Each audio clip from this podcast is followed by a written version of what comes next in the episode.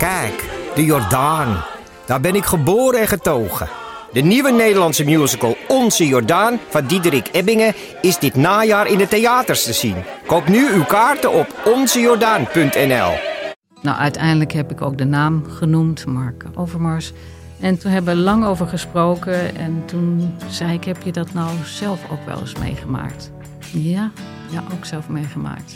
Heb jij ook wel eens van die dickpics ontvangen? Ook. Ja, dat vond ik toch wel heel heftig. Ben je benieuwd naar deze verhalen en wil je niets missen? Via podimo.nl slash gonzo luister je 30 dagen gratis naar Gonzo op Podimo. podimo.nl slash gonzo In America, the vote is sacred. It's how people of this nation express their will. It is the will of the voters. No one, not anything else, that chooses the President of the United States of America. Good evening. I'd like to provide the American people with an update on our efforts to protect the integrity of our very important 2020 election. If you count the legal votes, I easily win. If you count the illegal votes, they can try to steal the election from us. If you count the votes that came in.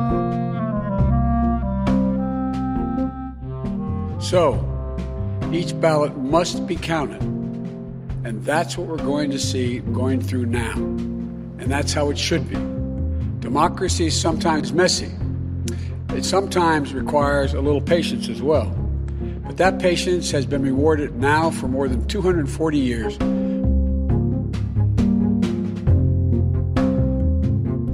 Of millions of unsolicited ballots without any verification measures whatsoever. Well, we're interrupting this because Many critical states, including massive victories in Florida. Okay, here we are again in the unusual position of not only interrupting the President of the United States, but correcting the President of the United States. Welkom bij Radio Amerika, de podcast van de Groene Amsterdammer over de Verenigde Staten in 2020. Elke paar weken spreken wij over de presidentsverkiezingen tussen de zittende Amerikaanse president Donald Trump en zijn uitdager Joe Biden. Dit is een tweegesprek vanaf de redactie in Amsterdam. Ik ben Rutger van der Hoeven, de buitenlandredacteur van de Groene Amsterdammer. En ik spreek met onze correspondent in de Verenigde Staten, Casper Thomas. Casper, jij zit in, in Washington. Wordt er gefeest bij jou op straat of is alle actie op je scherm? Nou, het is meer op het scherm, eh, moet ik eerlijk zeggen. En eigenlijk, om eerlijk te zijn, is Washington misschien wel de saaiste plek om te zitten. Uh, zeker tijdens deze verkiezingen. Want de, Trump is hier weliswaar, maar dit is niet de plek waar het gebeurt. Het gebeurt in, in Atlanta, Georgia. Het gebeurt in, in Phoenix, Arizona. En in um, Philadelphia, Pennsylvania. Dus ja, ik heb eigenlijk in die zin een beetje een, een, een saai thuishonk. Maar ik, ik, moet wel zeggen, ik, ik was verkiezingsavond in de supermarkt. En uh, opvallend genoeg was alle champagne daar uitverkocht. Dus blijkbaar heeft deze stad, die altijd heel erg op de Democraten stemt, uh, toch wel een, al een soort voorschot genomen toen op een uh, overwinning voor Biden. Ja, misschien was het toch een voorteken wat je serieus had moeten nemen.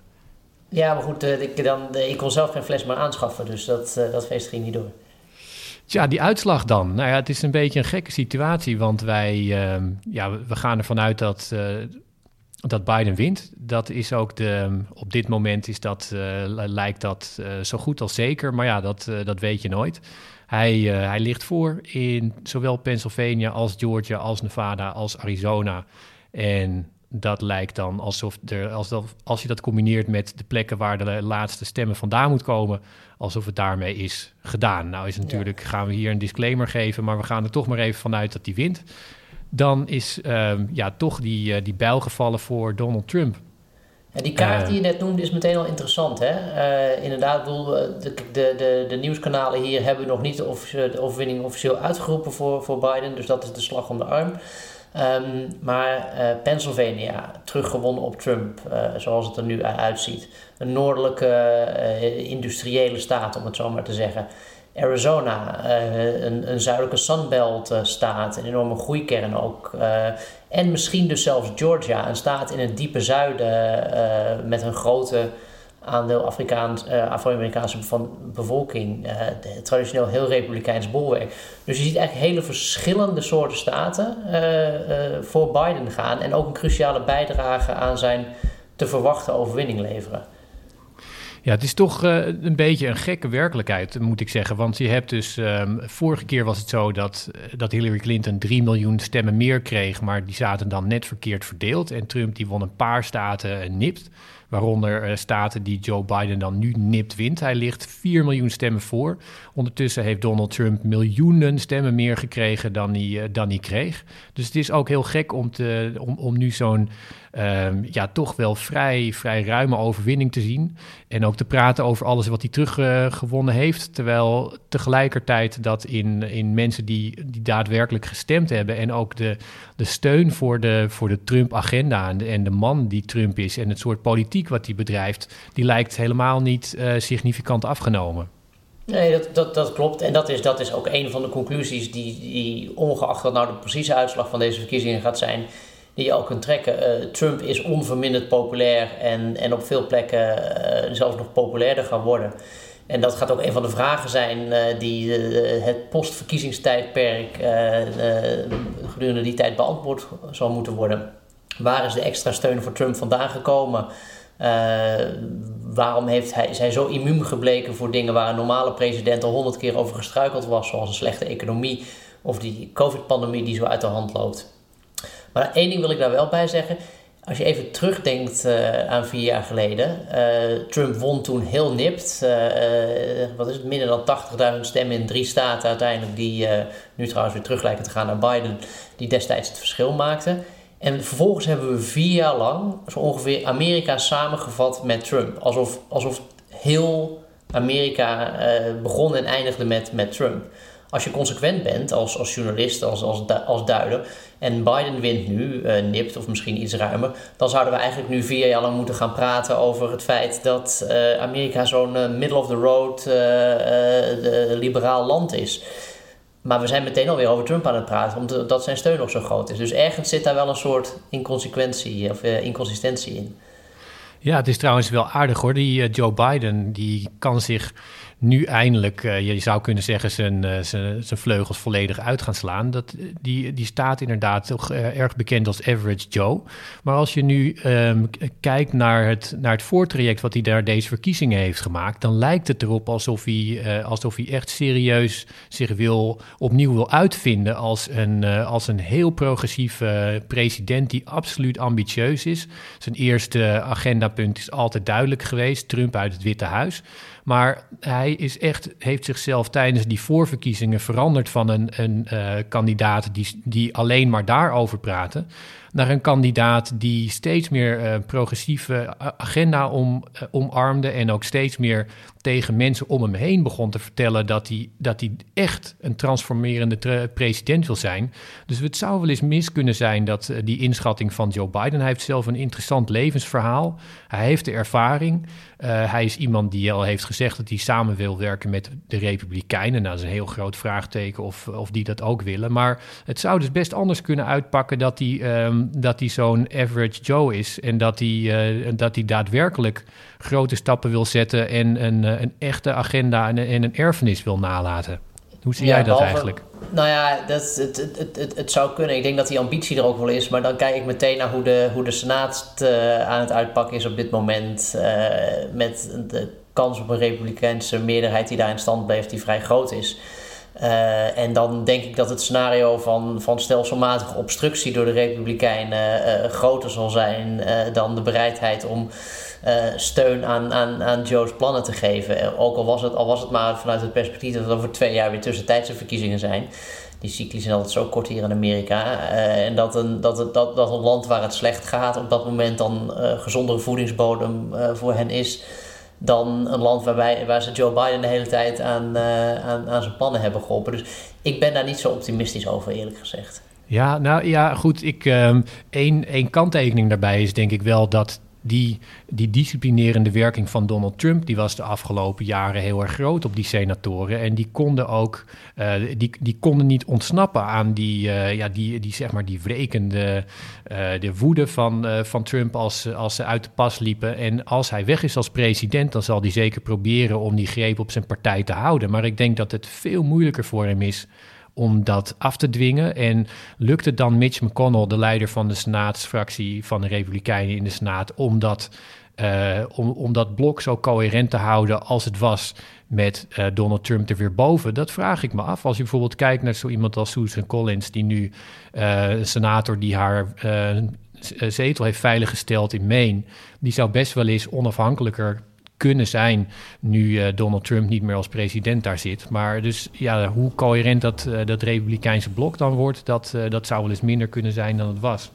Dus ja, dat, zou kunnen. Blijft, dat blijft gewoon afwachten en, en, en is iets gewoon om de komende tijd in de gaten te houden. Tegelijkertijd zie je dus dat het, de, het, het zijn van de partij van Trump voor de Republikeinen op geen enkele manier in de problemen heeft gebracht. als je kijkt naar de verkiezingsuitslagen, de, de, de, de Democraten winnen verliezen zetels in het, in het Huis van Afgevaardigden. Ze krijgen de Senaten niet bij. Op statelijk niveau uh, weten ze geen, enkel, geen enkele meerderheid, nieuwe meerderheid te halen. Dus eigenlijk, als je onder de streep kijkt, zijn de Republikeinen almas beloond voor de omarming van Trump. Ja, en als je het langer bekijkt, dan zou je ook kunnen zeggen dat sinds de jaren negentig de Republikeinen beloond zijn voor, um, het, het, voor obstructiepolitiek. En uh, die, die kreeg een beetje absurde dimensies onder Trump, omdat hij de hele tijd deed alsof hij uh, voortdurend dwars werd gezeten, terwijl hij op een gegeven moment het Huis van Afgevaardigden en de Senaat en het Hoge Rechtshof en twee derde van alle staatsparlementen achter zich had. Um, maar goed, die obstructiepolitiek die, die ze bij Obama en Clinton en uh, dat hebben gevoerd, die, uh, ja, die legt ze electoraal gezien gewoon um, geen windeieren. Dat, daar worden ze niet op afgerekend. Nee, dat, dat, dat, dat zie je nu. Maar goed, laten we, laten we kijken hoe zich dat de komende tijd ontwikkelt. Gaat op het lijstje voor een, een Radio Amerika over een, een, een halfjaartje.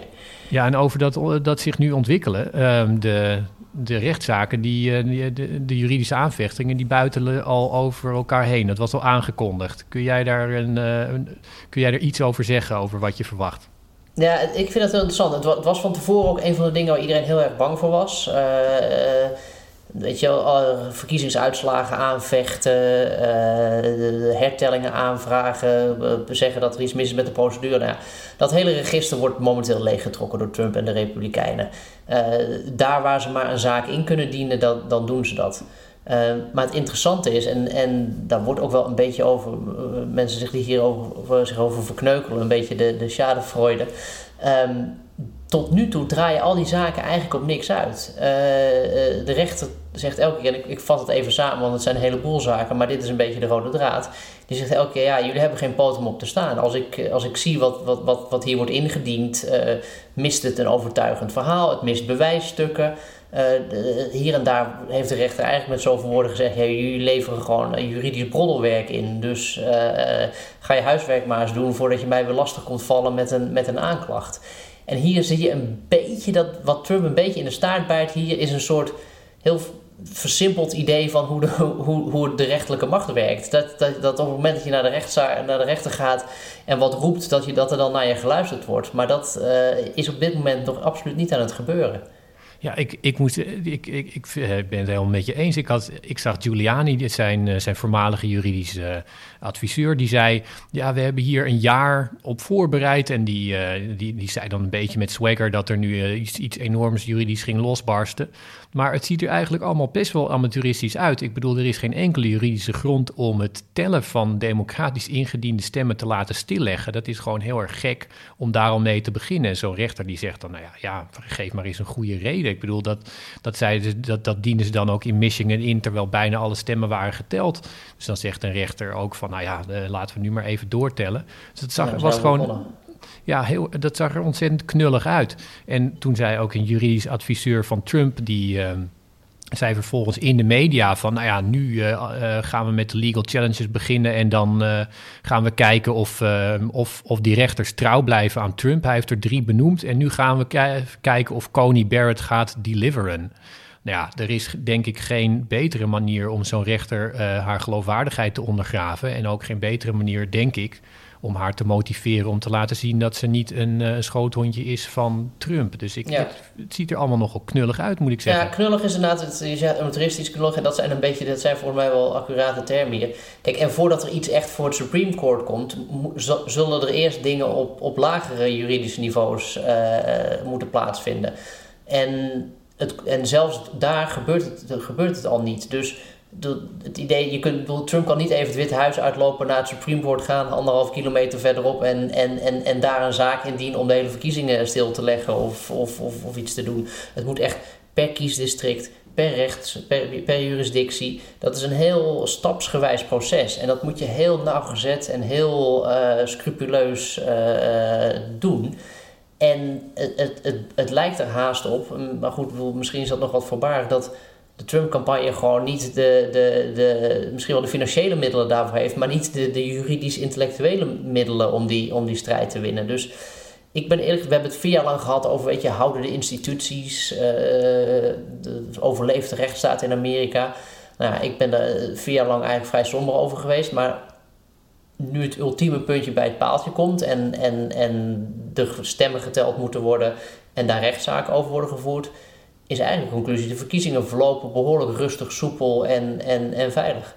Ja, volgens mij zeg je wel twee verschillende dingen. Want je hebt het over die, uh, ja, die juridische aanvechtingen. Nou, die um, gaan uh, tot nu toe in ieder geval neer, uh, niet zo, die, die hebben niet zoveel effect. En het tellen gaat door. Maar je zegt ook die, het ondergraven van die rechtsstaat. Dat, en dan zit je op ander terrein.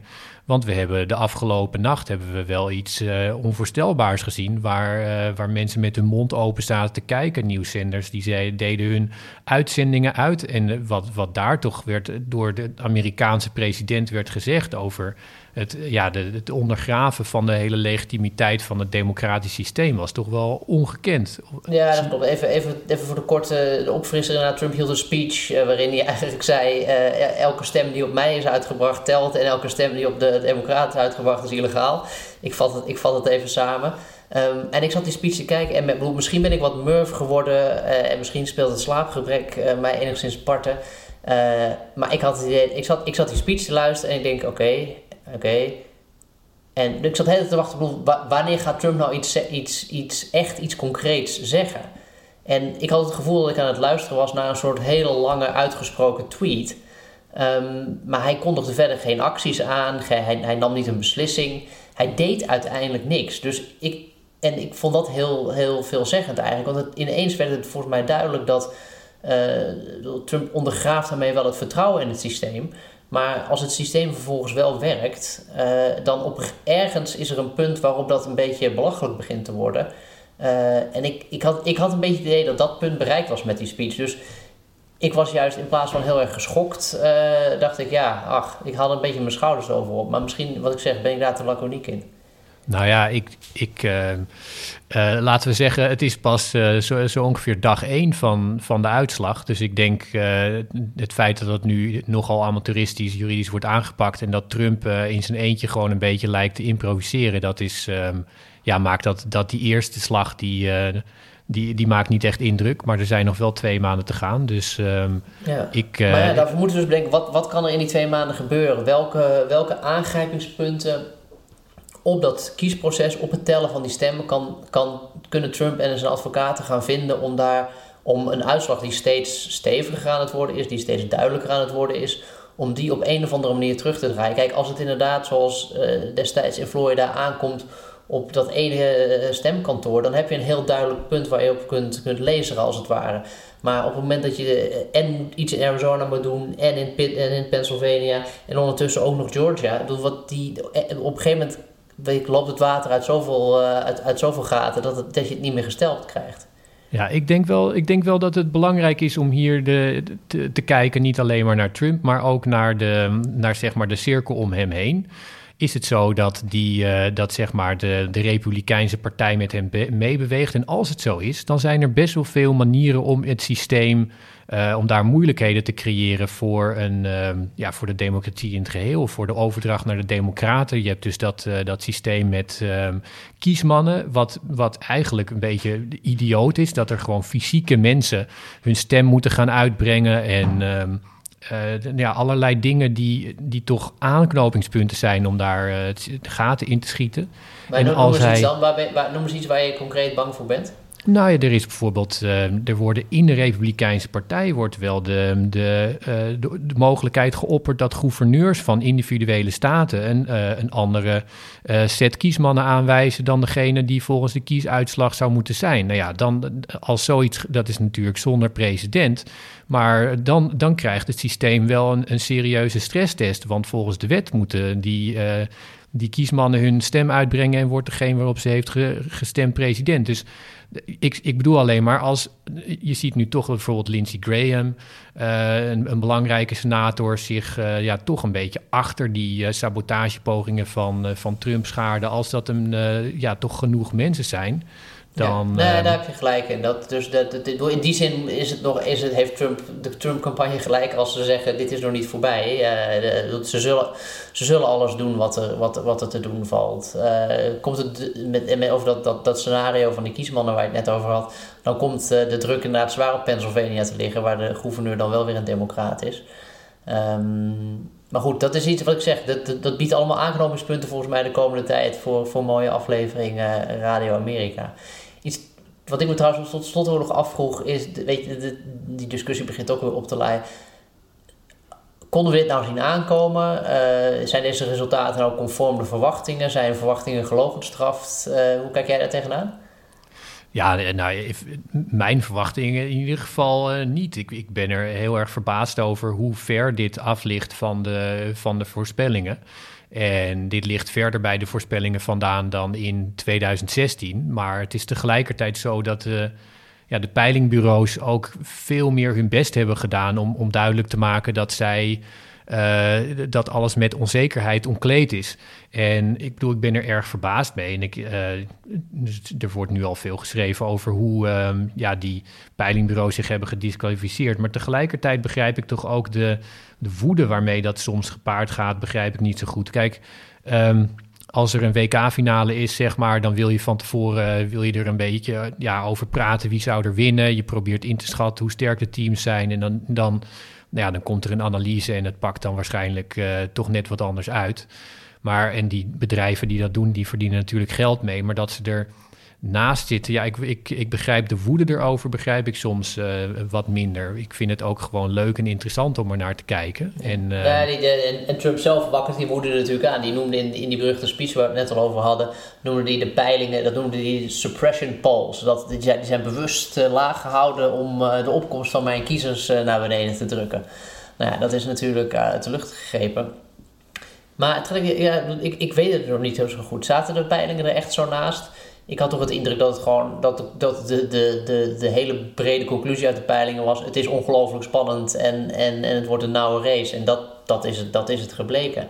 En als we straks de echte einduitslag hebben en een aantal van die staten die nu, waar we het in het begin ook over hadden, uh, Arizona, Pennsylvania, Georgia, om die maar even te noemen, stel dat die naar Biden gaan, dan heb je een behoorlijk stevige overwinning uh, qua kiesmannen voor, voor de Democraten. Dus ja, het is wel, uh, wel grappig. Dat, dat lijkt nogal op, um, op een tijd terug. Ik, uh, ik moest denken aan 1948. Toen had je uh, Truman tegen Dewey. Een, um, een bekende verkiezing waarbij Truman met een enorme glimlach de Chicago Tribune laat zien. Dat is zo'n zo'n iconische foto. Daarop staat dan Dewey defeats Truman. En dat kon hij laten zien terwijl hij gewonnen had. Zodat de peilingen die zitten er wel vaker naast. En dat, dat laat ook de gevaren zien van op die peilingen gaan uh, koersen. Want uh, ja, die verkiezingen zelf, dat zijn toch een, uh, een moeilijk beheersbaar beestje. En in het verleden zijn er dus presidentkandidaten nog wel erger mee onderuit gegaan om daarop te rekenen. Ja, nee, dus daarom, het is pas echt voorbij. Ik bedoel, het, voor mij is het pas echt voorbij op het moment dat er een, een, een, volgende president of, of, dezelfde, waar ik waar dus niet echt meer van uitga, maar weer Het is pas over als het over is. Uh, als, als, als, er, als er iemand weer geïnaugureerd is, dan, uh, dan, dan pas haal ik rustig adem. En, uh, en tot die tijd blijven we dit gewoon zo volgen. Ja, nou hier op de redactie staat een, een champagne, Casper. Dus wij, wij geloven okay. erin. Wij ja, zijn al heel blij in ieder geval met deze, met deze, deze ontwikkeling. Oké, okay. ik spreek je gauw weer, Rutger. Ja, tot snel. U luisterde naar Radio Amerika, een podcast van de Groene Amsterdammer.